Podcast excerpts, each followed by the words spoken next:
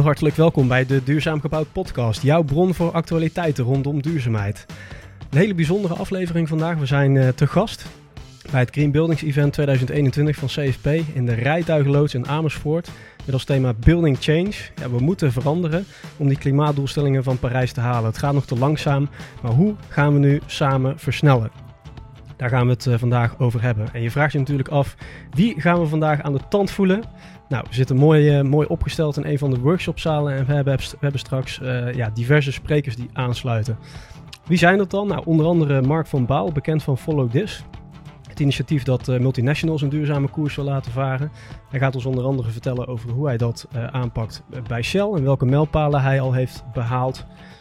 Dennis Storm, die vandaag de kansen van het minimalisme presenteert. En Juri Schoenmaker, onder andere van Pieter Pot, dat verpakkingsvrije boodschappen de standaard wil maken. Nou, wij ontvangen ze en we gaan met ze in gesprek. Blij dat je luistert. En we trappen af ook met uh, ja, de, man of the, man of the moment. Bram Adema, duurzaam gebouwd expert en CFP-directeur. Dank dat je wil aansluiten. Een uh, heel bijzonder moment, want we, ja, je mag zo gaan aftrappen. Uh, ja, het Green Buildings Event. Het is weer fysiek. Het mag weer. Ja, het mag weer. En dat wisten we niet toen we het gingen organiseren. Uh, dus ook altijd een beetje spannend. Hè? Dit moment is, uh, hè, dus dan, dan, lopen de zenuwen een klein beetje omhoog. Ja, je, hebt, je hebt ze nog onder controle. Ik heb ze nog onder controle. Oké, okay, super. Uh, building change vandaag. Ja. Een heel belangrijk thema. Ik introduceerde het net al eventjes. We moeten veranderen voor die klimaatdoelstellingen van, van Parijs die we willen behalen. We hebben vandaag een heel divers programma. uit allerlei hoeken, ook onverwacht misschien wel. Wat, wat verwacht jij in de zin van hè, die verandering? Wat gaan mensen vertellen? Ja, de, de verduurzaming gaat niet snel genoeg. En hij gaat niet ver genoeg. Dus het zijn, er is wel echt een radicale verandering nodig. We hebben mensen gehad uit alle hoeken en gaten die radicale verandering hebben gemaakt. Dennis Storm, die met zijn gezin minimalistisch is gaan leven. Uh, ik denk aan Rubium Anders, die alle daken als haar werkterrein beschouwt, maar daar ook heel succesvol mee is. Maar ook ja, Marcel van der Ven, die gewoon ja, ontvoerders van gedachten weet te veranderen. Dus we halen straks radicale verandering uit alle hoeken en gaten als ingrediënten voor radicale verandering op, op, op, op weg naar duurzaamheid. Dus wellicht, uh, ja, uh, die radicale verandering die gaat misschien vandaag ook bij allerlei organisaties plaatsvinden. Wederom uh, weer honderden professionals hier vandaag aanwezig. Ook allerlei partners aan het event gekoppeld, zoals vanouds zou ik willen zeggen. Ja. Um, wat, wat verwacht je daarvan? is het ook belangrijk dat vandaag nou ja, dat, dat partijen in actie komen? Zo ken ik Green Buildings Congres Event ook wel. Ja, wij, wij zijn eigenlijk een merkwaardig congres. Want we willen er geen geld mee verdienen. Uh, nou, dat lukt, dat lukt heel goed. Uh, vanaf het eerste begin wilden we de, het woord verspreiden. Maar ja, met het woord verspreiden, je kan een hoop vertellen. Maar je wil mensen vooral elkaar leren kennen. En aan de hand van inspirerende sprekers in actie komen. Ja, en het is ook super mooi om dat ieder jaar weer te zien dat, dat de Rabobank uh, gaslicht.com vindt. Remea vindt, vindt de sport. ieder jaar gebeuren er bijzondere dingen. Als je nou terugkijkt, hè, want ik kan mij nog herinneren, nou, een, stuk of acht, negen jaar geleden, Green Buildings Congres, uh, gevestigde naam in de markt. Iedere keer inderdaad, hè, uh, ook sprekers vanuit misschien wel onverwachte hoek, die je ook weer op andere gedachten brengen, op andere manier kennis delen. Waar ben je nu het meest trots op, al, al die jaren? Wat, wat is eruit voorgekomen waarvan je denkt, ja, hier, hier haal ik zelf energie uit om dit steeds te blijven doen? Nou, ik weet nog goed dat uh, Arnold Heertje, professor Arnold Heertje van het economieboek, hij is nu overleden, uh, uh, in 2012 zei: Als jullie dit niet doen, deze duurzaamheid, dan komt er een moment dat je je moet verantwoorden voor de Raad van State. Nou, ik denk dat iedereen dacht: wat, wat een. Hè, wat, wel, lief dat zo'n zo'n man dat zegt, maar dat geloofde niemand. En nog geen zeven jaar later was het gewoon zover. Het, Urgenda, de Urgenda-zaak kwam ook zover. En Arnold Heertje heeft gelijk gekregen. Helaas genoeg. Maar dat betekent eigenlijk dat we de goede sprekers uitnodigen. Ja, dus uh, diverse mijlpalen uh, om te vieren. Um, wat verwacht je nog richting de toekomst vanuit vandaag? Hè? Dus building change, de verandering die we gaan inzetten. Waar zou je tevreden of, of ja, vreugdevol over zijn wat er vandaag uitkomt? Wat, is, wat moet het resultaat wat jou betreft zijn? Waar moeten mensen mee naar huis gaan misschien wel? Al zou er maar één persoon vandaag bij zichzelf denken... ik kan een radicale verandering door, uh, doormaken of veroorzaken... dan zou dat winst zijn. Mm -hmm. De hoop is natuurlijk dat van de 370 mensen 370 mensen uh, vervuld en, en geïnspireerd uh, uh, naar huis gaan. Nou, ergens daartussen ben ik tevreden. Het is zo uh, fijn dat ik je nu hier, hier heb. Je hebt ook twee microfoons nu. Je hebt er één op voor het podium en één voor ons hier in de podcast. Kijk, wat ik bijzonder vind is dat CFP eigenlijk nooit uh, zelf het podium in, in die zin overdadig pakt. dus jullie zijn vandaag facilitator en jullie zetten alle partijen die ertoe doen op het podium. Zelf ehm, kennen jullie slogan, hè? iedereen kan verduurzamen als ik het, als ik het zo goed zeg.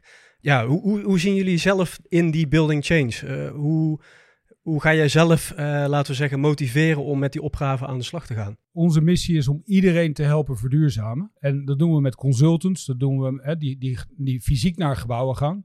Maar dat doen we ook met de online tools, waar met nu 400.000 gebouwen in Engeland en in Nederland mee worden verduurzaamd. Uh, we zijn nu bezig om in 50 landen de introductie uh, te doen. En verder willen we ook BREEAM en WELL op dezelfde manier toegankelijk maken voor de massa. Ja. Ik ben tevreden als ik nieuwe dingen heb gehoord vandaag. Nou, dat gaat zeker gebeuren. Ik ben tevreden als er nieuwe mensen aan elkaar hebben voorgesteld. Het commerciële succes, dat komt hopelijk vanzelf. Um, maar dat is niet, daar is vandaag niet voor bedoeld.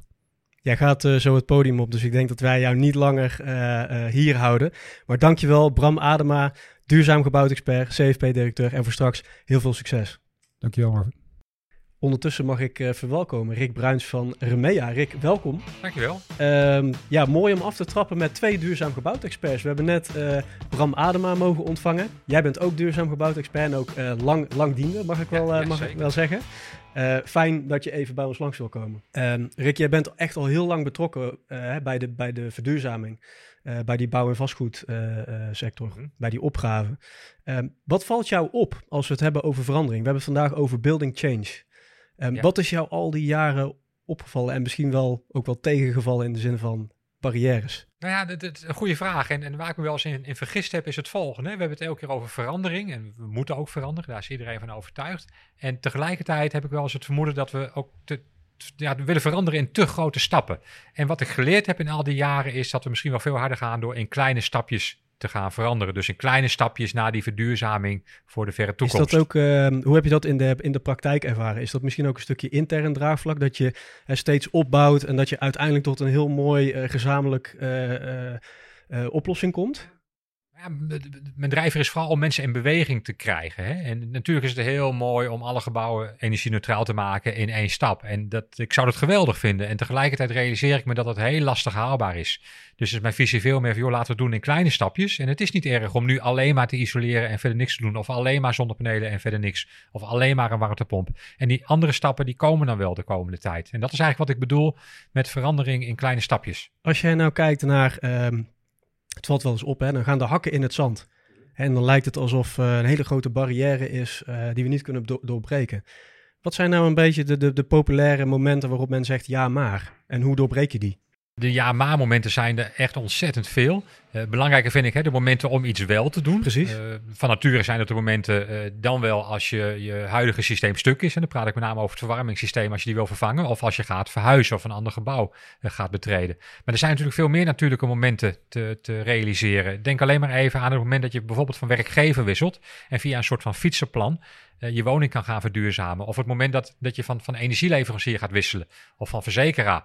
En dat zijn de momenten die we kunnen aangrijpen om toch een stap te zetten in de verduurzaming. Bijvoorbeeld door het, uh, ja, het, het, het, fietsenplan voor verduurzaming, om het maar zo te noemen. Denk jij nou dat die maatschappelijke opgave waar je het net ook over hebt, hè, en, en nu, het is nu ook een hot topic natuurlijk, hè, um, denk je dat ons dat ook uh, ja, misschien wel uh, gaat helpen om, om toch die versnelling op kortere termijn in te zetten? Kijk, het, het zijn natuurlijk negatieve uh, elementen. Hè? Zo vatten veel mensen dat op. Mm -hmm. Maar ja, voor ons in de sector kan het uh, het vliegwiel zijn. Ja, maar ik denk ook dat het het vliegwiel is om het heel simpel te houden. En, en overzichtelijk voor mensen. Ik, ik realiseer me heel goed dat als we naar, naar uh, uh, burgers van Nederland roepen: van, joh, maak je woning energie-neutraal. Ja, het overzicht is weg. Dat heb ik zelf ook. Laatst stond ik nog een keer ergens met een artikeltje van, van: ja, zelfs ik zou niet weten hoe. Maar dat is ook echt zo. Als ik mijn woning energie-neutraal zou willen maken, heel lastig om te beginnen. Dus die kleine stapjes die voor mensen heel natuurlijk en praktisch overkomen. Ja, en dan is het doel voor die mensen niet eens verduurzaming. Het doel is gewoon om, om een lagere maandlast uh, te, gaan, uh, te gaan realiseren. En wie mis jij dan nog in, in jullie samenwerkingen? Want uh, is dat dan bijvoorbeeld de woningcorporatie of de gemeente die misschien ook kan helpen bij, nou ja, laten we zeggen, de, het bereiken van de mensen achter de voordeur? Dus welke partijen zou jij nou, ja, zou jij eigenlijk ook willen uitdagen om met jullie in gesprek te gaan om die stapjes te zetten? Ja, eigenlijk alle partijen die, die je kan bedenken. Er zijn zo ontzettend veel stakeholders. De gemeentes, natuurlijk wil ik graag met gemeentes in gesprek om de burgers van die gemeente in ieder geval te informeren over de mogelijkheden. Technisch, maar ook financieel. Ehm, eh, de, de adviseurs, hè, eh, vroeger zeg ik wel eens, er ging een advies als het gaat om verwarming, met name over het feit, ja, wil je een CW 3, 4 of 5 ketel? Uh, en dat was het. advies gaat tegenwoordig veel verder en veel breder. Het gaat niet alleen over het type verwarmingssysteem. Dat is jullie rolverandering natuurlijk. Ja, absoluut. Zeker. Ja, ja, ja. we willen ook adviseren over uh, subsidiemogelijkheden, over financieringsmodellen. Over besparing die men realiseert, over de impact op woningwaarde, over de impact op, op energielabel van die woning. Vind je dat ook jullie rol of, of pakken jullie hem gewoon? Dus zeg je van, hè, um, um, we doen niet meer mee als we niet um, in die mate kunnen adviseren? Ja, we moeten hem pakken. Hè. Heel veel presentaties die wij namens Remea geven, die beginnen met de slide. De wereld verandert en wij veranderen mee. En dit is precies de verandering waar we middenin zitten. En ja, wij pakken wel die rol. Ja. Um, ik ben benieuwd um, waar jullie trots op zijn vanuit Remea. In de zin van, hè, we, hebben het inderdaad vandaag over building change, die verandering inzetten. Wat zijn vanuit jullie initiatieven, mag intern, mag ook extern zijn, waarvan je zegt... Nou, dit zijn nou echt uh, de momenten waarop wij verandering uh, initiëren of, of uh, een, een boost geven. Ja, ten eerste, we zijn best wel trots op het feit dat we gewoon een Nederlands bedrijf zijn binnen een Nederlandse holding. En dat maakt communicatie met die holding, met de R&D-activiteiten die er plaatsvinden, gewoon prettig en makkelijk. Omdat iedereen snapt hoe de energietransitie in Nederland werkt. Want die is toch wel anders dan in veel landen om ons heen. En als ik dan kijk naar de snelheid waarmee we dan kunnen handelen en de diversiteit. Dus we zeggen niet van, joh, het, het worden ketens of het worden warmtepompen of het wordt waterstof. Nee, we hebben al die routes naar verduurzaming nodig. En richten onze pijlen ook op, uh, op ontwikkelingen uh, binnen die verschillende routes. Dus ontwikkelingen op het gebied van warmtepompen, van, van waterstofsystemen, van, van menggassen, waterstof en aardgas. En ja, daar ben ik oprecht wel trots op. Mooi. die, we hebben het vandaag ook voor een groot deel over innovatie. Ik kan me voorstellen dat innovatie, dat is voor jullie ook een hele belangrijke tak van sport. Uh, hoe zie jij het belang uh, vandaag? Want er wordt een heuse Dragon's Den uh, ja. georganiseerd. hoe zie jij het belang van innovatie ook, ook binnen Remea? Ja, de innovatie is, is van waanzinnig groot belang. Hè? De, de, wereld verandert, wij veranderingen mee en dat heeft met innovatie te maken. Wel wil ik daaraan toevoegen dat innovatie wat mij betreft niet alleen gaat over producten, maar misschien nog wel veel meer over businessmodellen, over, over rollen die we met elkaar innemen als stakeholders. Dus niet een keten verkopen als het oude stuk is, maar een plan maken om via bijvoorbeeld een werkgever uh, binnen de WKR, binnen de fietsenplanregeling, een verduurzaming te kunnen aanbieden. Dat zijn de innovaties die er echt toe gaan doen. Dus ik, een van mijn vragen zou zijn geweest inderdaad hè, van waar moet de bouw- en vastgoedsector wat jou betreft nog in innoveren? Maar ik, ik hoor dus al hè, van het zijn eigenlijk heel laagdrempelige, mag, mag ik het zo noemen, laagdrempelige ja, innovaties, ja, waar ja. we uiteindelijk het, uh, het verschil uh, in gaan maken. Ja, absoluut. Dus niet, niet weinig mensen heel veel laten doen, maar heel veel mensen weinig laten doen. En dat, dat keer op keer herhalen. Mijn uh, afsluitende vraag uh, voor jou, Rick. Waar wil je dat mensen vandaag mee naar huis gaan? In ieder geval met de boodschap wat, wat er mogelijk is. En uh, hoe makkelijk het is om een, een stap verduurzaming toe te passen in hun eigen omgeving. En dat het ook in heel veel gevallen best wel rendeert. Dat je gewoon binnen een paar jaar je investering hebt terugverdiend. Dankjewel en veel succes vandaag. Dankjewel. Het gaat in rap tempo vandaag bij de Duurzaam Gebouwd podcast. Rubium Anders van Sungevity. Welkom. Nou, dankjewel. Leuk om hier te zijn. Dankjewel dat je alvast even wil aansluiten, want ja, jouw presentatie uh, komt, uh, komt straks pas. Sta je op het, uh, op het podium. Ehm, het thema van vandaag, Building Change. Het inzetten op verandering. Ehm, hoe zie jij dat? Waarom is het voor jou een belangrijk thema? Nou ja, het is eigenlijk een thema naar mijn hart. Ik ben er al de hele, eigenlijk mijn hele carrière mee bezig. Ik ben ooit 30 jaar geleden op slag verliefd geworden op een zonnepaneel. En ik denk, ik wil die wereld veranderen door te zorgen, niet te rusten voordat ieder dak vol ligt en iedereen leeft op schone zonnestroom. En toen was het niche ja, ja, toen was, het... heel niche. Ja. Het was veel te duur. ja. Uh, nou, en daar heb ik eigenlijk in mijn hele carrière verandering in proberen te brengen. Door niet alleen wat goedkoper, maar ook makkelijk en leuk te maken.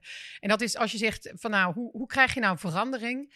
Um, ja, dan is het denk ik vooral als je in een industrie kijkt, zoals de zonne-energie-industrie of de gebouwenindustrie.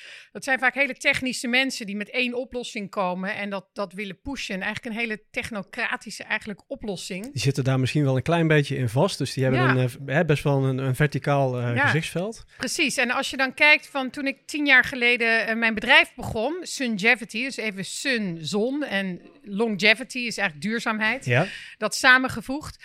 Um, was echt het idee om, uh, ja, om het een beetje makkelijk en leuk te maken en aantrekkelijk voor mensen. En ik denk dat dat vaak bij verandering mensen dat vergeten, dat het meer iets gepusht wordt en opgelegd. En ik denk de belangrijkste verandering die nodig is, is om in alle aspecten hiervan het aantrekkelijk te maken voor mensen. En of je nou een bedrijf bent, of een particulier, of een huurder, uh, of met nieuwbouw bezig bent, of met bestaande bouw, om het aantrekkelijk te maken. Nou, voor mij was de grote uitdaging tien jaar geleden om te zorgen dat iedereen ging leven op zonnestroom. Nou, die, dat is uh, enorm hard gegaan en dat gaat door. Die trein die dendert eigenlijk door. door. Wanneer, wanneer je het kantelpunt? Daar ben ik heel benieuwd naar. Dus uh, we merken nu, ja, uh, de, de, de, de vergaslosrevolutie die gaat nu wellicht ja. uh, wel plaatsvinden door de, door de enorme optrekkende prijzen. Ja. misschien is dat wel, ja, of het is een vloek of het is een zegen, we weten het nog niet. Maar wanneer merkte jij zeg maar, het kantelpunt van deze maatschappelijke opgave of deze beweging die zorgde voor een versnelling? Ja, nou, dat uh, goede vraag. toen ik tien jaar geleden begon met Sungevity, toen zaten we eigenlijk even in het gekke groene hoekje. Dus dat waren gewoon mensen die meer wilden betalen. Daar maakte eigenlijk wat ze dan noemen een terugverdientijd niet uit. Die wilden het gewoon hebben. Nou, dan zag je eigenlijk dat daarna uh, dat sneller in, in uh, ja, een grotere groep ging aanhaken. Die, die echt zag van, nou, dit is leuk. Mijn buurman heeft het, ik wil het ook. En, en het is best zinnige investering.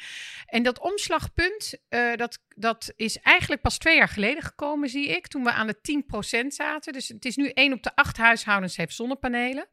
Um, en uh, waar je eigenlijk uh, het echte omslagpunt, als je het hebt over een S-curve van de adoptie van een nieuwe technologie, dat je in die hoek zit, dat je echt naar de massa gaat, dat is eigenlijk 1 op 4. Dus je zegt eigenlijk altijd van nou, logischer denk je, als de helft het heeft, dan wordt het, uh, nou ja, dan dat, dat beetje suffe wordt nieuwe normaal. Uh, maar heel veel onderzoek hebben laten zien als één op de vier mensen iets nieuws heeft, een iPhone of een nieuwe technologie, dat dat dan eigenlijk heel normaal wordt. En normaal betekent eigenlijk dat je kan uitleggen op de buurt barbecue waarom je het niet hebt. Van, ja, ja, ja, wat is er nou mis met jou? Op het moment dat je dat jij gewoon op een verjaar... mooi dak hebt en, en, en ik zie daar niks op liggen. Je werkt niet je eigen stroom. Is er, is er iets of dus zo, op weet een, je wel? Op het moment dat ik me moet verantwoorden op Ja. verjaardagen, dat is zeg maar het, eh, Waarom misschien wel het hebt? kantelpunt. Ja, waarom heb jij nog die oude baksteen terwijl er een iPhone is of zo? Zeg maar even dat, dat, die analogie. En eh, daar zijn we nog niet, maar we zijn wel heel hard op weg naar dat punt. Dat is echt, eh, vorig jaar hebben we eh, een mijlpaal aangetikt dat we 1 miljoen woningen hadden in Nederland die op zonnestroom werkt. En, wat, en dat is nu al bijna anderhalf miljoen, dus dat is, gaat echt heel hard.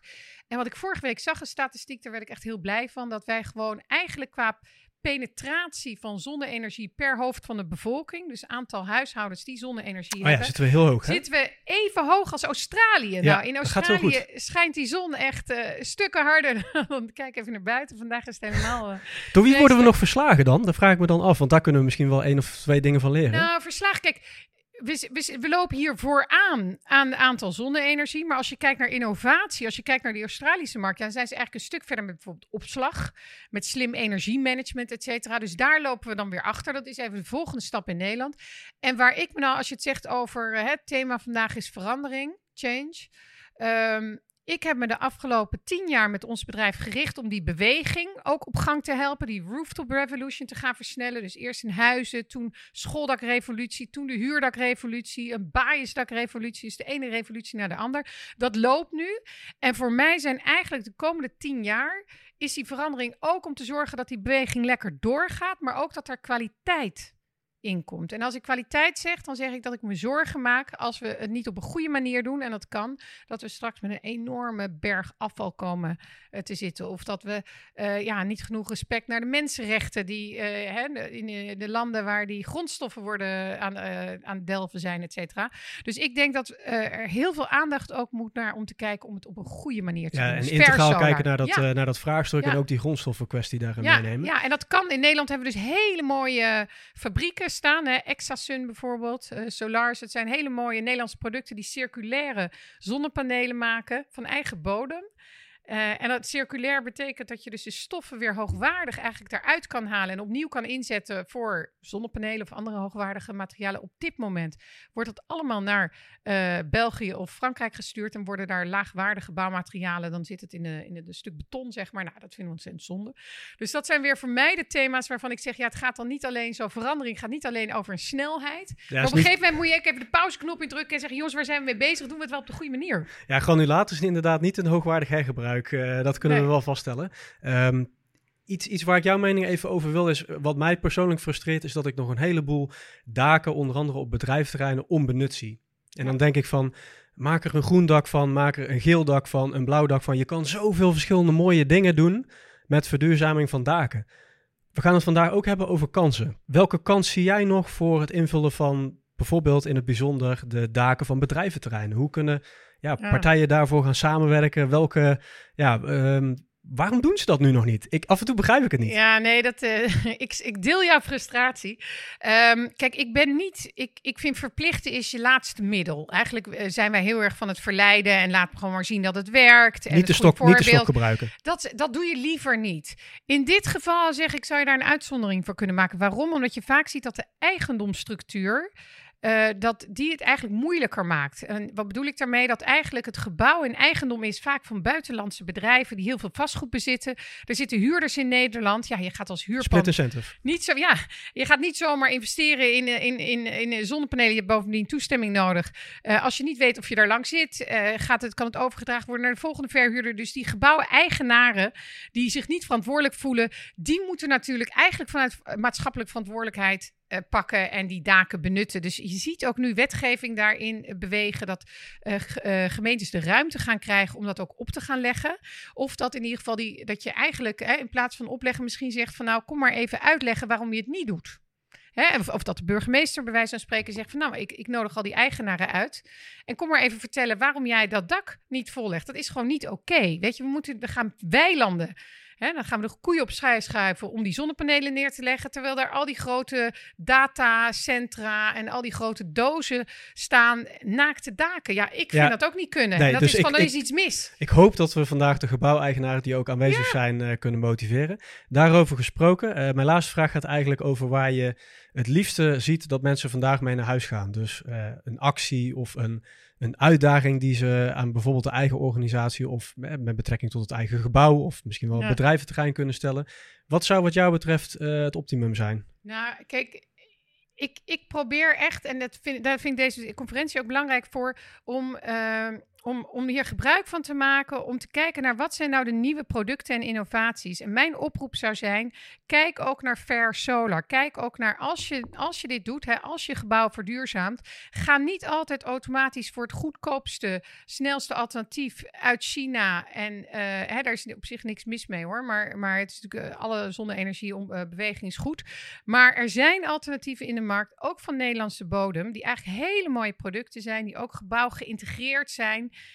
Exasun, zoek het maar even op. Prachtig. Ik hoor dus het ik zou ja. iedereen zeggen, kijk vooral naar producten, circulair producten. En dan nog één, als ik nog heel even reclame mag maken in deze podcast. Natuurlijk We hebben vorige week, uh, of twee weken geleden, hebben wij werelds eerste weeshuis voor zonnepanelen gelanceerd. Voor tweedehands zonnepanelen. Dus eigenlijk uh, krijgen wij steeds vaker de vraag, goh, uh, na tien jaar, na zeven jaar heb ik mijn zonnepanelen terugverdiend. Of eigenlijk, hè, de investering is eruit. Ik wil eigenlijk nieuwe, want er passen er maar tien op mijn dak. Um, en en toen was dat 200 watt piek, whatever dat is. En nu uh, past er 400 watt piek uit die zonnepanelen. Dus die brengen eigenlijk twee keer zoveel stroom op. Ik wil nieuwe. Wat kan ik met die oude doen? Nou, nu gaan ze naar de vuilnisbelt. En wat ik net zei, worden ze gewoon op laagwaardige manier gerecycled. Wij hebben een platform, zonnext.nl, knipoog naar Carnext gekeurde, TUF gecertificeerde, hergebruikte zonnepanelen die nog jaren meegaan. Uh, dus ik zou ook uh, de mensen hier in deze conferentie willen uitdagen. Kijk naar jouw project. Wil je iets met circulariteit? Wil je daar echt ook concreet uh, invulling aan geven? Adopteer een mooie, gecertificeerde tweedehands zonnepanelen. Ja, mooie uitdaging en wat mij betreft uh, geen reclame, want we werken samen aan die verduurzamingsopgave. Dat is ook wat we vandaag hier gaan doen op het uh, Green Buildings Event. Jij gaat straks nog uh, presenteren, Rubium. En voor nu, ja, ontzettend bedankt dat je in onze podcast wilde verschijnen. Dankjewel. Graag gedaan. Net vanaf de mainstage zou ik willen zeggen, Mark van Baal van, van Follow This. Mark, dankjewel dat je zo snel hier naartoe bent gekomen. Natuurlijk. Uh, ja, ik, ik moet zeggen, ik was onder de, onder de indruk van jouw verhaal. Ik moet natuurlijk ook uh, tegelijkertijd concluderen. De mensen thuis, die, uh, ja, die hebben jou misschien niet horen spreken. dus we gaan ook wel even kijken naar wat heb jij nu precies verteld. Het thema van vandaag, building change. We gaan veranderen, of we moeten veranderen. We gaan hopelijk ook veranderen. Um, ik ben even benieuwd, we gaan even terug naar Follow This. welke frustratie had jij toen jij het oprichtte? Nou, de, de, grootste frustratie was dat iedereen uh, het een sympathiek initiatief noemde.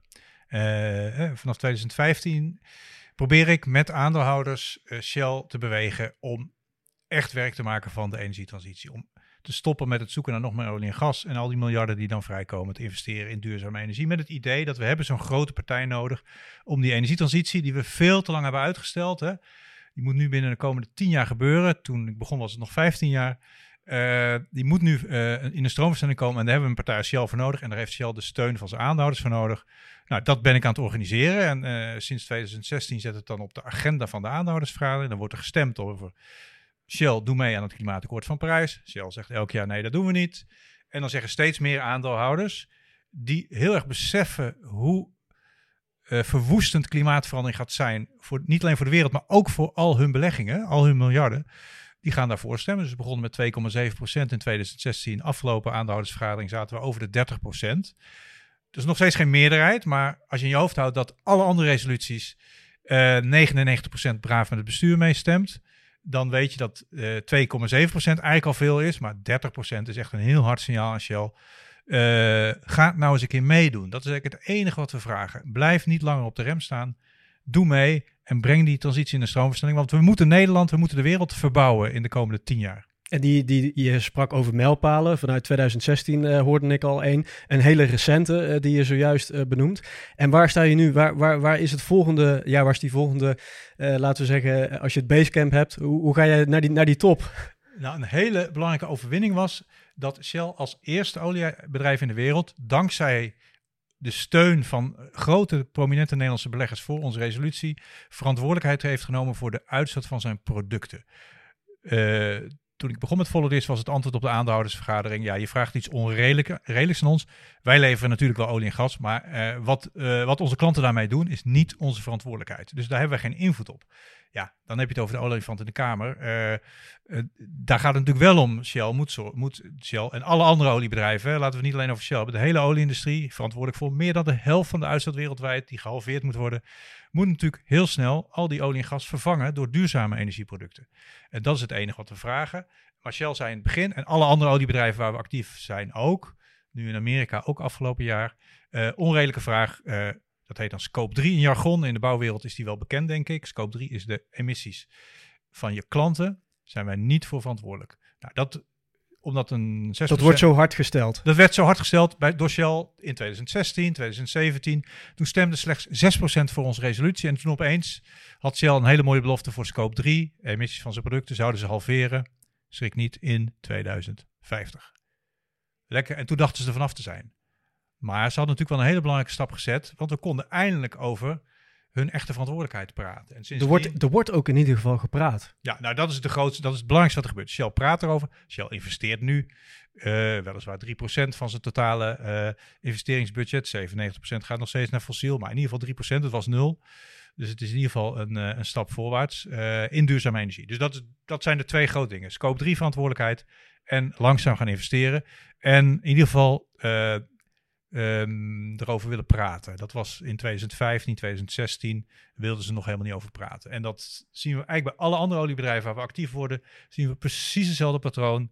BP en Equinor in 2019, uh, Conoco Philips, Philips 66 en Chevron in 2021, totaal in 2020. Allemaal onredelijke vraag wat je in die resolutie stelt, want scope 3 is niet onze verantwoordelijkheid.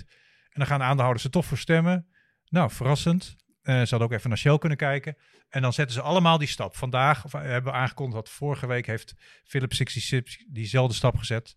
Uh, als Shell in 2017 een, een, een, vage belofte voor scope 3. Maar we kunnen ergens over praten. Ja, en maakt dat het nou eenvoudiger? Want ik bespeur een, uh, een soort van gelijk speelveld, of in ieder geval dezelfde situatie die speelt. En maakt dat het nou eenvoudiger dat je een soort one-size-fits-all aanpak kunt voor al die andere bedrijven waar je het net over hebt? Ja, we dienen eigenlijk bij ieder bedrijf dezelfde resolutie in. Sommige beleggers hebben daar kritiek op van ja, het is niet uh, custom made. Maar het moet juist niet custom made zijn, want dan ga je als belegger op de stoel van de bestuurder zitten. Wij geven alleen maar de grote lijnen aan. En dat is, de emissies moeten in, omlaag in lijn met het prijsakkoord. Dat is het enige wat we vragen. Uh, het is eigenlijk, dus dat lijkt niks voor te stellen, maar het is natuurlijk een Trojaans paard en het is ook van glas. Iedereen, vooral die olieindustrie, kijkt dat was, die snappen. Ja, uh, ja voor zo'n grote olietanker die emissie, heel lastig kan. Emissiereducties in lijn met uh, Parijs betekent in nul, in 2050, maar vooral ongeveer 40% moet eraf in 2030, in de komende 10 jaar. En dat, daar hebben ze natuurlijk allemaal geen zin in. Nee, en om daarin te veranderen, je had het net onstage, had jij het over persoonlijk leiderschap. Intrinsieke motivatie schaar ik daar ook wel onder. Hoe belangrijk is dat om, nou ja, dat persoonlijke, die intrinsieke motivatie, uh, hoe belangrijk is de persoon in de organisatie? Nou, heel erg belangrijk, want de, de personen uh, nemen de beslissingen. En niet de organisatie. Het lijkt er wel eens op dat die organisaties beslissen. Maar dat zijn toch allemaal mensen van vlees en bloed die beslissingen nemen. De pensioenfondsen die ons steunen. Uh, ja, ik kan zeggen zoveel honderd miljard. Maar ik kan beter zeggen uh, Willemijn, uh, Henk en Hans. Ehm, want het zijn mensen die persoonlijk leiderschap hebben getoond. En gezegd hebben dat Follow This is een raar clubje. dat zijn wij totaal niet gewend om dat te doen. Want wij praten liever achter de schermen. ze zetten het op de agenda. Shell vindt het niet leuk toch gaan wij voorstemmen, want we vinden klimaatverandering gewoon het belangrijkste uh, issue van deze tijd. En daarom gaan we voorstemmen. En dat, dan, dan, steek je wel je nek uit, want het is makkelijker om te zeggen, nee, we blijven doen zoals we het altijd gedaan hebben. En die mensen hebben dus, uh, ja, de rest van hun bedrijf overtuigd en uh, nek uitgestoken. En dat is, dat is soms eenzaam. Ik heb het in het begin ook heel eenzaam gehad. Dat denk ik met elke koploper. die iets wil veranderen. Ja, er zijn natuurlijk heel veel mensen die heel comfortabel zijn met de status quo. En die zullen allemaal tegen je zeggen, ja, wat jij wil is natuurlijk heel mooi. Maar eh, zo zit de wereld nou helemaal in elkaar. Dat is misschien ook wel jouw advies, hè? Als ik het inderdaad even vertaal naar de mensen die luisteren, die misschien ook sneller willen dan misschien wel intern, misschien wel extern. Uh, dus wat, wat zou jouw belangrijkste advies zijn? Inderdaad, ik hoor al, ja, houd hoop is het ook wel een beetje. Uh, ja, houd hoop en, en kom af en toe bij elkaar met mensen die wel willen. Want een meeting met iemand die niet wil, is gewoon heel erg vermoeiend ik, ik, ik heb me er zelf eens op betrapt dat ik bij een groot pensioenfonds vandaan kwam die me een uur lang hadden zitten vertellen dat ik er beter mee op kon houden. Het was tien uur en ik stond in die lobby en ik dacht, hoe kan het nou dat ik zo moe ben? Heb ik nou slecht geslapen vannacht? Ik had helemaal niet slecht geslapen, maar zuigt gewoon energie. Nou, die meetings moet je hebben, want je moet die mensen ook overtuigen. Maar ga af en toe ook eens even lekker uh, met gelijkgestemde uh, preken voor eigen prochie. Je gaat niemand overtuigen, maar je merkt wel dat er ook andere mensen zijn die die net zo eenzaam zijn als jij uh, binnen hun eigen organisatie. Maar iedere organisatie heeft gewoon koplopers nodig die gewoon het lef hebben om te zeggen, ja, wij moeten veranderen en ik ga ervoor staan, ongeacht wat de reactie van deze organisatie is. En uh, dat is voor jonge mensen heel erg moeilijk, want die krijgen allemaal te horen, ja, natuurlijk wil je graag veranderen, maar wij uh, zijn 30 jaar ouder, we zijn allemaal in de 50. ik kan dat zeggen, want dat ben ik zelf ook. Wij weten wel hoe het wat het beste voor dit bedrijf is, dus, dus doe maar even rustig aan ja, niet meer accepteren en gewoon uh, aan de slag. Is dat ook je wens uh, voor de mensen hier dus, uh, hè, dat ze dit meenemen en dat ze wel op de juiste manier aan de slag kunnen en dat ze nou ja, uh, barrières kunnen doorbreken, zoals ik al zei, misschien op, op het gebied van intern draagvlak? ja, ze moeten, mensen moeten gewoon beseffen, het begint natuurlijk bij het besef dat als we in de komende tien jaar de energievoorziening niet grondig op de schop nemen, dat het uh, halen van het prijzenakkoord kansloos wordt en dat onze kinderen en kleinkinderen in een rampzalige wereld gaan leven en ons allemaal gaan vragen, ja, maar toen wij geboren werd, werden, wisten jullie toch precies wat er aan de hand was? Je wist wat je aan moet doen. Uh, ik heb gehoord, opa, dat je bij een groot bouwbedrijf werkt. Wat heb je er toen aan gedaan? Heb je wel huizen gebouwd die volledig met zonnepanelen zijn? Ik kijk hier het raam uit. Staat, er wordt nieuwbouw hier tegenover gebouwd. En ik zie nog gewoon rode dakpannen in plaats van een dak vol met zonnepanelen. Ja, ik vind het onbestaanbaar. En daar hebben we het net ook over gehad met, met, met Rubium. Hè. We weten dat uh, nou, ongeveer 90% van de daken op uh, bedrijventerreinen zijn op dit moment nog onbenut. Dat is natuurlijk een schandalig uh, percentage.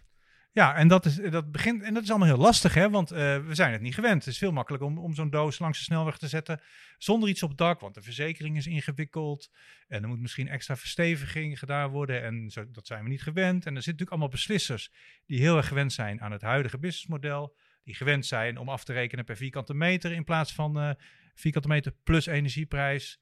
Het vraagt allemaal om nieuwe businessmodellen. Ja, daar heeft de gevestigde orde meestal geen zin in. En daar moet je gewoon doorheen breken. Zeg ja, maar de, de noodzaak is nu zo groot. We moeten op zoek naar nieuwe businessmodellen. Want de techniek is er. Hè. Daar, daar is denk ik geen ingenieur het over oneens dat uh, de zon binnen een uur genoeg energie levert om, om, de wereldeconomie een jaar te laten draaien. Dus die is er. De techniek om het om te zetten in bruikbare energie zijn er ook. Ze zijn nog wat duur, maar ze worden steeds goedkoper. Olie en gas zal steeds duurder worden, omdat het duurder wordt op de grond te halen. En omdat ze uiteindelijk ook alle externe kosten zullen moeten gaan betalen. Dus het is gewoon een onomkeerbare uh, uh, weg. En ja, daar kun je maar best aan meedoen. Dus eigenlijk een revolutie, hè? dus een radi radicale verandering zoals we net al hoorden op het podium. Het, is, nou, het kan nog wel, uh, het hoeft, echt geen revolutie te zijn, maar het moet nu wel heel snel gaan. dat begint natuurlijk mee te beslissen, ik ga niet meer investeren in fossiel. Ik ga alleen nog maar investeren in duurzaam. Ehm, en ehm, helaas uh, hebben we alle kans verkeken om het uh, langzaam te doen. Hè. Als we in de jaren negentig waren begonnen, hadden we het heel rustig aan kunnen doen, langzaam. Over van fossiel op duurzaam helaas hebben heel veel krachten ervoor gezorgd dat, dat er heel lang klimaatontkenning was. En dat we de, de beslissing heel lang hebben uitgesteld. Nou, nu is iedereen intussen wel zover dat de wetenschap niet meer ontkend wordt. En dat er heel snel wat moet gebeuren. Dus het moet snel gebeuren. Maar tien jaar is ook wel een tijd waarin het kan. Ik bedoel, ja, uh, uh, in tien jaar kunnen we prima uh, de, de, de, energievoorziening verbouwen. Dus we zijn nog niet te laat. We zijn nog niet te laat, maar de beslissingen om ook maar enige kans hebben om het prijsakkoord te halen, moeten in de komende anderhalf jaar genomen worden. Dankjewel uh, dat je wilde verschijnen bij de Duurzaam Gebouwd podcast, Mark. Heel graag, heel graag. Dankjewel. Ondertussen uh, aangeschoven, heel blij mee, uh, Juri Schoenmaker. Um, uh, van Pieter Pot natuurlijk. En ja, welkom bij de Duurzaam Gebouwd podcast. Fijn dat je er bent. Ja, straks pas op het podium. Dus ja, ik vraag me af, de zenuwen, of, of, zijn die, of zijn die nooit eigenlijk aanwezig? Nou, inmiddels zijn die er vrij weinig. Ik doe dit vrij vaak. Maar wel gezonde spanning natuurlijk, net voordat ik opkom. Maar hartstikke leuk om mensen te enthousiasmeren. Hoe vaak sta je op het podium als het gaat om de bouw- en vastgoedsector? Is dit een, een nieuwe groep mensen die, die je voor je ziet met hele andere idealen, motivaties? Uh, ja, ik, ik, zit even te denken, want ik heb zeer veel diverse publieken. Maar inderdaad, in de vastgoedindustrie uh, ben ik nog niet zo vaak geweest, denk ik. Wat is nou het leukste publiek? Ja, je, je weet nog niet wat je vandaag gaat aantreffen natuurlijk. Nee, precies.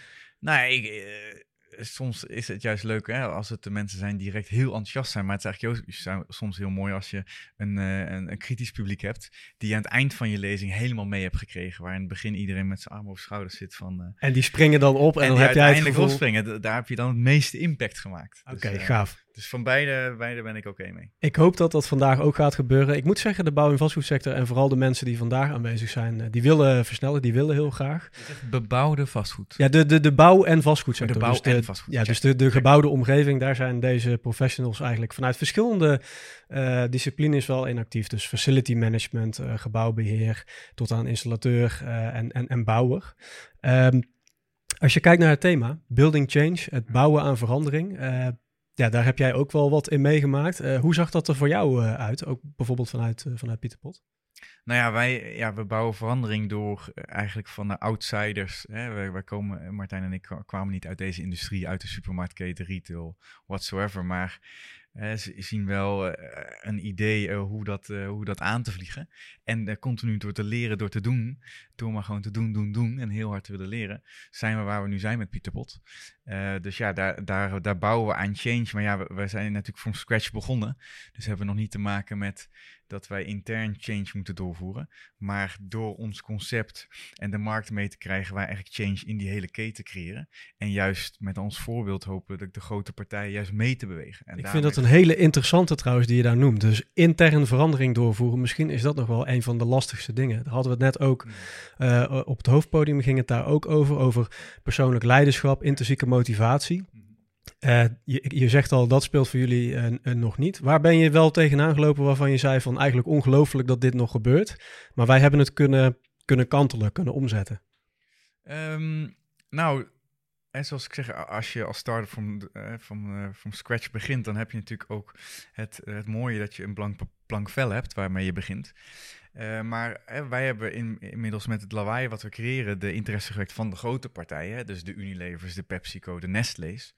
En uh, waar die partijen natuurlijk moeite hebben met de innovatie doorvoeren, uh, creëren wij die verandering nu wel in die keten. Dus we hebben bijvoorbeeld Heinz Ketchup in onze potten en de Ruiter Hagelslag. Nou, dat zijn twee merken van een, van, van een grote partij. En die die is nu haar keten aan het veranderen om in grotere circulaire bulkverpakkingen aan Pieter Pot te leveren. Dus daar creëren we verandering in die keten, doordat we het eerst zelf laten zien en die partijen uiteindelijk dat toch ook wel willen en mee willen. Nou, wat zijn dan, eh, daar ben ik heel benieuwd, hè? dus je gaat in gesprek met zo'n partij en dan ja, op, op het eerste ogenblik, dan, ja, dan moet je eigenlijk tegen die muur op. Dus je bent ze eigenlijk eh, aan het meenemen en je gaat misschien met vooroordelen, ga je misschien nee, nou, aan de slag. andersom. Dus in eerste instantie benaderen ze ons. Oké, okay, maar oké, dus, dus ja. dan is de, de motivatie om te veranderen, die is al aanwezig. Precies, precies. Hè? Maar, maar daar is het, en, en daar zit en de vervolgstap is de crux. Hè? Dus zo geloof ik ook in ideeën. Iedereen heeft ideeën. En dat is fantastisch, maar van idee naar uitvoering, daar zit de bottleneck. En dus ook, zij komen bij ons, dus de motivatie is er, enthousiasme is er. Maar vervolgens moeten we het gaan realiseren. Ja, en dan merk je bij grote partijen, dat is toch vrij lastig. En dan moeten er een heleboel mensen Want dan is het net een olietanker die heel veel last heeft met draaien. En dan heb je liever een sloep die heel snel uh, kan schakelen. Precies, precies. Ehm, en lopen ze, dan, dan lopen zij ook natuurlijk tegen interne verandering aan. Van, en mensen die zeggen van, oh eens even, we moeten gewoon, uh, moeten gewoon omzet draaien. Um, het gaat om kwaliteit en op korte termijn. Uh, bestaande regelgeving, bestaande processen. Ja, dat, dat is natuurlijk wat lastig te veranderen uh, als je zo'n groot bedrijf bent. Ja. En daar, daar, daar, daar heb je uiteindelijk, zijn de mensen die het verschil maken. Dus je hebt uiteindelijk daar ook intern een ambassadeur nodig die daar kost wat kost deuren blijft intrappen. Ja, merk je dat ook dat jullie, dat jullie inderdaad één of twee personen nodig hebben die wel vanuit jullie en, en ook het gedachtegoed wat zij willen uh, uitstralen. Dat, het, dat je wel mensen nodig hebt die wel steeds eraan blijven trekken, steeds die, ook die kritische vragen blijven stellen. Ja, zeker. En ook het gewicht hebben, hè? Dus, dus ook de juiste, of, die, de, die, of degene die de juiste mensen weet mee te krijgen. Want daar gaat nou eenmaal om bij een grote organisatie waar je met veel lagen te maken hebt. Daar gaat het uh, ook om uh, vandaag, hè, want die bouw- en vastgoedsector waar ik het net over had, die moet veranderen om de doelstellingen van uh, die klimaatdoelstellingen van Parijs te halen. we lopen achter, die achterstand die moet ingelopen worden. als jij naar onze sector kijkt, wat zie je dan? kun jij dan zeggen van, hè, daar zie ik hele duidelijke mogelijkheden, kansen om, om te versnellen. Waarom doen ze dat nog niet? Vind ik gek. Nou, ik ben geen expert in deze industrie, dus, dus daar heb ik niet direct ideeën over. En ik kijk alleen maar, oké, hoe hebben wij Pieter Pot from scratch opgebouwd, is door continu uh, te experimenteren en ook fouten te maken, maar daar heel snel van te leren. In plaats van, uh, ik bedoel, wij zijn anderhalf jaar geleden of twee jaar geleden begonnen en letterlijk een maand nadat we dit idee, idee hadden, zijn we potten bij de IKEA gaan kopen, bakfiets gestapt, en aan in Rotterdam. Versus zeg maar een traject van twee jaar lang onderzoeken wat nou de ideale manier is. Ah ja, dus je moet zelf de wendbaarheid pakken. Min of meer pakken. Hè? Dus zelf uh, die motivatie uh, vooral gaan doen. Uh, hoe, hoe reageer je dan um, en dat is wellicht mijn, mijn afsluitende vraag. Maar hoe reageer je dan op partijen die zeggen: Ja, ik heb daar geen tijd voor. En eh, we zitten met primaire processen en ik vind dat lastig. Dus dat, dat doen, dat vinden sommige partijen heel, heel, heel moeilijk. Uh, ja, nee, dat, eh, dat snap ik ook. En, en dat is ook niet business as usual. Dus daar geloof ik heel in. Hè, pak daar een aparte scope voor, een apart project. Of een aparte entiteit die dat los gaat valideren. Die niet te maken heeft met de dagelijkse operatie. En daar wel korte lijntjes mee heeft. Om daarmee te Maar uiteindelijk moet dan een aparte groep mensen zijn die dat drijven. Um, want ja, als je nou eenmaal groter wordt, dan, dan heb je al 80 uur per week een hoop aan je hoofd. Uh, en om dit erbij te pakken, maar daar een aparte groep voor neerzetten. Die ook die vrijheid, en uh, daar geloven wij ook in onze organisatie, heel veel freedom en responsibility. Dus geef hen die vrijheid en de verantwoordelijkheid om te, te leren te experimenteren en daar te komen waar ze willen komen. En daar is elke mens door gedreven en daar gaat elk mens van floreren. Dus zo kan je heel snel heel veel stappen maken, denk ik. Heel mooi advies, denk ik, van uh, Juri Schoenmaker. Dankjewel dat je bij de Duurzaam Gebouwd podcast wilde verschijnen. Heel graag gedaan. Dank je. Ondertussen is eh, Dennis eh, Storm bij ons, net op het hoofdpodium en uh, nu in de Duurzaam Gebouwd podcast. Dennis, welkom. Dankjewel. Uh, mooi verhaal uh, zojuist. Ehm, ik wil ook even aangeven hè, van de bouw- en vastgoedsector. Is dat voor jou een, een, een nieuwe doelgroep? Uh, niet zozeer een doelgroep. Ik ben er toevallig wel op dit moment voor de uitgever een boek over aan het schrijven. Oké, okay, uh, hoe heet dat? Uh, waar gaat het over? naam is nog niet zeker, maar het gaat over de, ja, de, de huidige woningcrisis. Hoe we daarmee omgaan, hoe het werkt en hoe we ermee om zouden gaan. Ja, want we hebben net... Of sorry, zouden moeten gaan. Ja, precies. Want we hebben jou net, uh, de mensen thuis, ik weet niet of dat die hier aanwezig waren, maar we hebben jou mogen horen spreken over minimalisme en hetgene, hè, um, misschien ook wel hetgene wat in de bouw- en vastgoedsector nu nog ontbreekt, is eigenlijk um, de invloed daarop, of eigenlijk hoe ze daarmee omgaan. Uh, hoe zie jij dat voor je als het gaat om de bouw- en vastgoedsector? Uh, zijn die minimalistisch ingesteld wat jou betreft? Nee, nee, totaal niet. Er wordt helemaal niet creatief gekeken. En dat komt een beetje uh, tweeledig. Aan de ene kant is er nu heel veel druk. Dus we hadden ook dit jaar sinds 40 jaar weer het grootste woonprotest. Uh, en daarmee, door al die protesten en door al die noodzaak, dwingen we de politiek eigenlijk om tot korte termijn oplossingen te komen. Waardoor we, uh, ja, de, de privatboeren, die, die vieren hoogtij. Want die mogen dadelijk allemaal zogenaamd circulaire lelijke huizen in de polder neer gaan zetten. Om maar die, die nummers te krijgen, om maar die zogenaamde huizen die nodig zijn, uh, allemaal te gaan bouwen. En in plaats daarvan ben ik dus bezig met, met een soort pleidooi om. Um, kijk, de fout is altijd korte termijn denken. Dat is ook het, het resultaat van korte termijn denken, is de, de, de crisis nu. Laten we dan vanaf nu op de lange termijn gaan denken. Wat voor huizen willen we hebben? Uh, hoe moeten die eruit zien? Wat is nou daadwerkelijk duurzaam? En daar, uh, ja, daar wordt best wel vaak uh, uit de bocht gevlogen. Ja, en, en hoe kijk jij um, bijvoorbeeld Nederland dichtbevolkt land?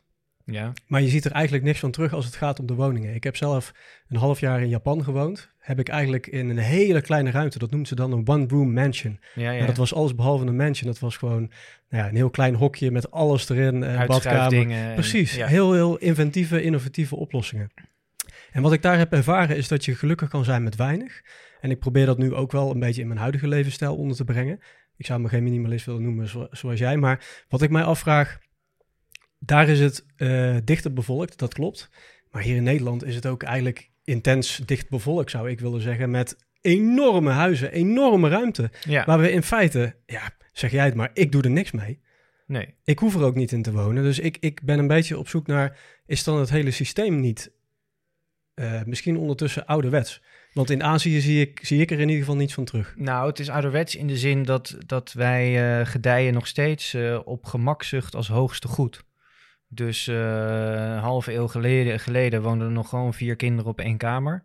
Maar nu moet ieder kind moet een eigen kamer. Precies. En misschien komt er nog wel een kind bij. Dus laten we daarvoor alvast ook maar een kamer hebben in het huis. Precies, en daar uh, in Japan slapen ze op hè, tatami-matten in één woonkamer. Ja. En daar is dat gewoon. Nee. En dat is een ander uiterst hoor. Maar daarom, kijk, daar moet veel meer gekeken worden naar welke gebouwen kunnen we nu, nu omtoveren. En bijvoorbeeld, ik woon dan zelf in Den Haag en daar word je aan de ene kant is de zee, nou daar kan je niet naartoe. Aan de andere kant is de A4 en dan heb je aan de, nou even richting het noorden kom je bij Wassenaar, beschermd gebied uh, duinlandschap. En aan de andere kant zit je in het Westland. Dus je kan niet verder bouwen. Maar er is niemand die dan zegt: Oké, laten we echt iets stofs doen. Je hebt in Toronto heb je namelijk een soort groene skyscraper. Heb je in Azië ook veel. Laten we dat daar gewoon van één neerzetten. En er zitten 15.000 studentenkamers in. En dan zijn we van dat. Dat is dan allemaal opgelost. -hmm. Um, en in plaats daarvan gaat het in de talkshows over, over de Phoenix-wijken in de polder. En dat dan mensen die nu in de stad wonen, die moeten dadelijk, hoe, hoe ze dan moeten gaan forensen, daar is het nog niet eens over nagedacht. Maar die moeten maar allemaal naar de polder. Omdat ze daar dan wel uh, drie slaapkamers kunnen krijgen. Ja. Dus ja, er wordt niet creatief gedacht. En er wordt vanuit de, de, de mensen die protesteren en de mensen die willen, willen, willen, wordt er veel te veel nagedacht over wat zou ik willen in plaats van wat is op dit moment realistisch. En is innovatie bijvoorbeeld, hè, vandaag gaat het ook over innovatie. Dit is straks een Dragon's Den met allerlei ja. Nou ja, oplossingen, energie, circulair, uh, op het gebied van gezondheid. Misschien ook wel de natuur, hè, waar jij het ook een beetje over hebt. Um, maar is innovatie wat jou betreft ook een manier om die versnelling binnen onze sector te veranderen? Ja, dat denk ik wel. Het, het ding is, het debat wordt nu een beetje gevoerd door... Uh, door mensen die iets willen van de politiek. Dus nou, ik noemde ze net al de prefabboeren, die, die mogen dan aanschuiven bij een nieuwsshow en die mogen dan zeggen van ja, wij kunnen wel, wij kunnen wel 50.000 huizen per jaar bouwen. Gaat het om die aantallen? Ja, maar dan moet de politiek moet wel even wat snel uh, toestemming geven. Maar er is nooit een keer een goede architect aan tafel met, met een goed idee of met een, een creatief idee. Wat of die visionair eh, ja. aangeeft van nou, hier gaat de stad uiteindelijk naartoe en als we zo doorbouwen, dan gaan we onszelf ziek bouwen, bij wijze van. Ja, en dan is het vaak puntje bepaaltje waarom worden zij niet aan het woord gelaten, omdat het dan om geld gaat. Maar ja, dat is wel, daarom zeg ik ook, we moeten meer over de lange termijn gaan denken. Hoe willen we dat over 50 jaar onze steden eruit zien? Dat is een totaal andere vraag dan hoe willen we nu binnen 10 jaar een miljoen huizen bouwen? Uh, want dan, dan, dan vraag je om paniekvoetbal. Terwijl als je aan mensen gaat vragen: hoe wil je dat als jouw kinderen volwassen zijn, dat je stad er dan uitziet, dan ga je praten over verbeteren. En uh, ja, dat geluid wordt, uh, vind ik, te weinig gehoord. Mooie visie op 2050. Daar moeten we dus voor gaan, hoor ik al. Nou, laten we eens even 2030 hebben. ja, ja, 20, ja, 2050 is te laat. Nou, niet te laat, maar ja, dat vind ik wel van de groene revolutie. Het is leuk dus je wil daar ook deelgenoot van zijn. Dus ik heb nu al zin om de eerste resultaten van zo'n mooie koers uh, te gaan terugzien. Dankjewel, Den Storm. Graag gedaan. Ondertussen aangeschoven en daar ben ik heel erg blij mee. Nog even op de valreep, Twan Huis. Ja, hallo. Welkom Twan. Welkom bij de Duurzaam Gebouwd podcast. Uh, een podcast die gaat over verduurzaming in de gebouwde omgeving en nou ja, hoe we dat uh, met ons allen uh, aanpakken. Mm -hmm. Um, ik ben benieuwd dat jij de dag tot nu toe hebt ervaren, voor alle duidelijkheid, als dagvoorzitter van vandaag. Begeleid jij meerdere events als het gaat om de bouw- en vastgoedsector? Of nou, het, nee, helemaal niet, eerlijk gezegd.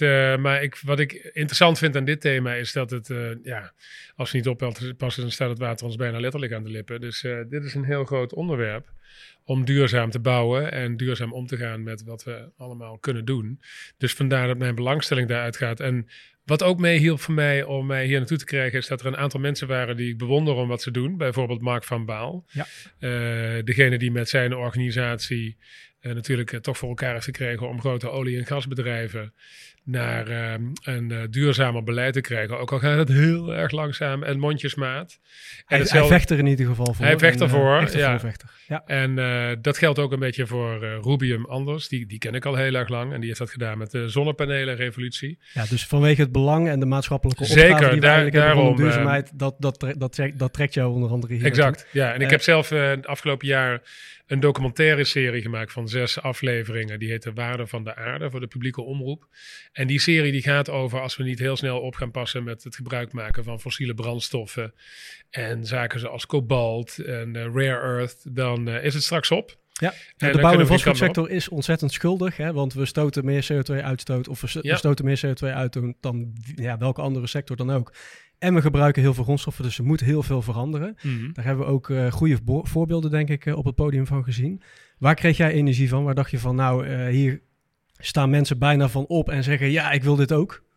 Nou, ik krijg meest energie toch van mensen als uh, Mark van Baal en um, van Ruby Anders. Omdat die heel erg duidelijk heel praktische mogelijkheden aangereikt hebben om, uh, om, de, om ermee aan aan de slag te gaan. Ook al is het misschien een druppel op een gloeiende plaat, maar er, gebeurt wat. En bij de pakken neerzetten, daar heeft niemand wat aan. Dus daar, daar ben ik op gefocust, op dat soort mensen. Net zoals die is hier niet, Marian Minnesma van Urgenda. Die um, toch met... Uh, de klimaatzaak. Ja, de klimaatzaak-agenda die, die against all odds bijna, vanuit een positie waarvan je denkt van nou, dit, dit kan toch onmogelijk succesvol worden, het toch voor elkaar krijgen. En die mensen zijn bewonderenswaardig. Ja, jij gaat met uh, positieve energie naar huis? Nou, altijd wel. dus, uh, Fantastisch. Dank je, dank je wel dat okay. je nog even wilde verschijnen. Tan Huis, dank je wel. Ja. Ben je benieuwd naar foto's van het event? Die vind je op cfp.nl samen met een aftermovie. En dan kun je ook terecht voor het verslag. En zoals Bram Adema al zei, iedereen kan verduurzamen en het is ook heel eenvoudig. Dus wil je zelf aan de slag met de verduurzaming van jouw vastgoed? Ga dan naar cfp.nl slash intake en ontdek alle mogelijkheden en gereedschappen die jij nodig hebt om te versnellen. En daarmee zijn we aan het einde gekomen van het Green Buildings Event 2021. Ja, ik ben weer thuis. Ik heb een ontzettend inspirerende en hele toffe dag gehad. Dank jullie wel voor het luisteren. Abonneer je op onze podcast op Spotify, Apple Podcast of Soundcloud. En je kunt ons vinden op Twitter, @duurzaamgebouwd en op LinkedIn.